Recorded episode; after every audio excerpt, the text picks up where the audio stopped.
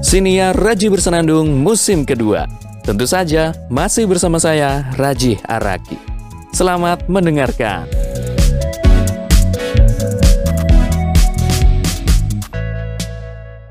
Ngomongin soal emosi, ini kan bisa macam-macam ya. Nggak hanya soal amarah, sedih, senang, juga masuk emosi juga. Tapi ada kata-kata harus bisa kontrol emosi. Pernah dengar nggak? Sering kan pasti. Yang mana agak sulit ya buat sebagian dari kita, termasuk saya. Meskipun kelihatannya orang-orang nganggep ya mungkin kita bisa. Sebenarnya saya pun juga gitu. Orang-orang itu kayaknya ya nganggep saya itu adalah orang yang nggak bisa mengekspresikan emosi kayak datar-datar aja gitu loh. Ya meskipun memang kayak gitu kenyataannya. Kalau anda ketemu saya itu muka saya muka datar. Pernah dulu waktu jadi ketua di sebuah organisasi kemahasiswaan saya pernah marah karena satu hal yang emang harus ditegur. Marah banget tuh. Tapi teman-teman malah ngelihat kayak gini, lu lagi marah ya? kayak kayak meragukan gitu loh. Artinya marahnya saya aja udah kayak nggak marah, kocak banget kan. Padahal saya ngerasa nggak bisa ngontrol emosi. Apalagi kalau pas marah, aduh. Tapi kelihatannya kayak gitu. Nah, sebenarnya kalau lagi marah, saya tuh benar-benar marah loh. Benar-benar marah. Hanya saja tidak diungkapkan bentuknya itu adalah dengan diem gitu. Kalau udah marah itu otomatis langsung diem, ngambek gak jelas, diem dan mengharap orang harus paham apa yang saya inginkan. Kayak apa aja gitu. itu BTW itu contoh yang tidak baik ya.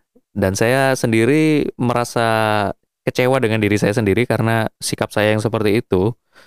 Harusnya kalau marah ya saya ngomong, bro aku gak suka dengan ini. Hei rek aku gak seneng ngambil iki gitu. Aku gak seneng ngambil kelakuanmu yang kayak gini harusnya aku seperti itu. Tapi ternyata kenyataannya saya masih sulit untuk mengungkapkan antara tidak enak dan bagaimana akhirnya yang saya lakukan hanya diam gitu.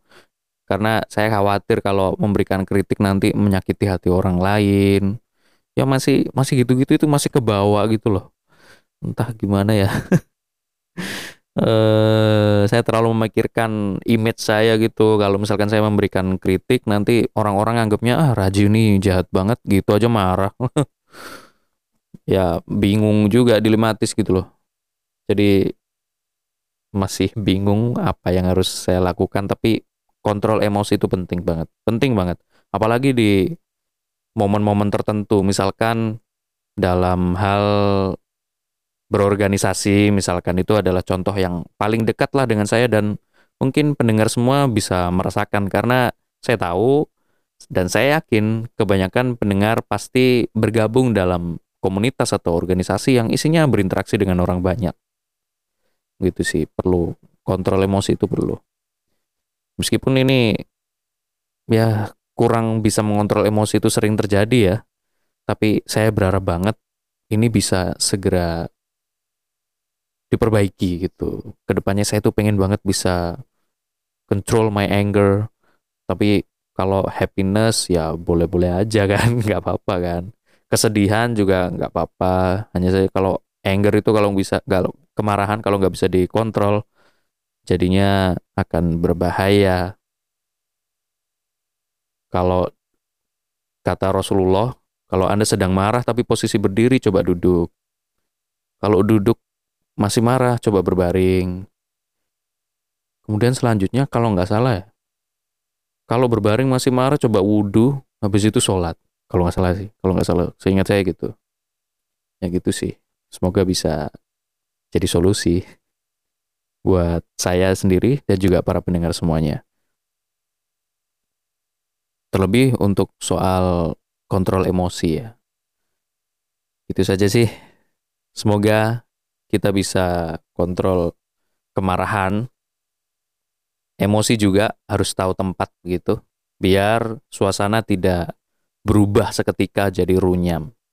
Itu saja. Terima kasih. Sampai jumpa di episode berikutnya.